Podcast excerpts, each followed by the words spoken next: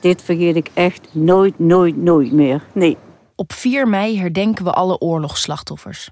En zijn we twee minuten stil. Maar waar denken we dan aan? Dit is het twee minuten verhaal van Koosje van der Ven. Die als klein meisje zag hoe een vliegtuig van de Engelsen neerstortte in haar achtertuin. Twee minuten die we nooit mogen vergeten. Koosje en haar kleindochter Ted vertellen haar verhaal.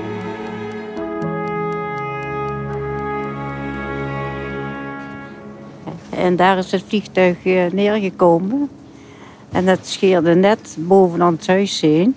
En het was zes avonds, het was al donker. We zagen al in de lucht dat het aangeschoten was. Maar we hadden daar geen flauw idee van dat het zo dicht bij ons huis neer zou komen. Want het is net zo over ons huis heen geschoten. De doden lagen in een tuin. En het vliegtuig dat lag net in de bossen, dus brand en verschrikkelijk, verschrikkelijk. En dat onweer, het ontploffen van, van het munitie wat ze zich hadden. De bommen die ergens anders voor bedoeld waren, die ontploften hier. En het was zo, zo intens verschrikkelijk. Daags na zagen we in de, bij in de tuin lagen de twee doden. Die, die, door het prieeltje van mijn moeder, die had daar een roze prieel.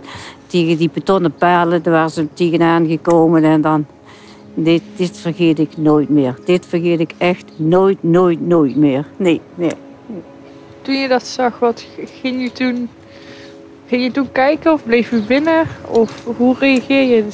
Nee, we, nee, we renden naar buiten.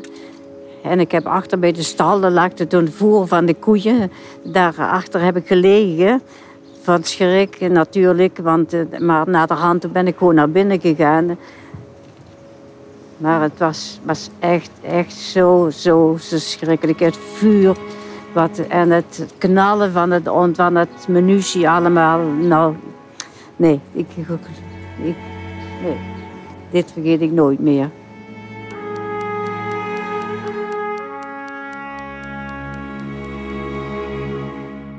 Mijn oma is dit moment nooit vergeten.